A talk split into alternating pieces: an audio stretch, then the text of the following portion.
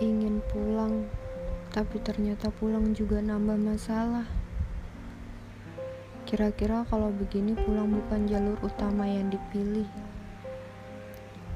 Pulang akan menjadi jalur terakhir yang ia pilih. Kita dihadapkan banyak masalah, tapi yang bisa menyelamatkan hanya diri sendiri. Menangis paling menyakitkan adalah menangis sepanjang perjalanan dengan arah dan tujuan yang tidak pernah tahu mau ke mana. Tidak punya tempat mana yang pertama kali ingin dikunjungi. Tidak punya orang pertama kali yang ingin dilihat.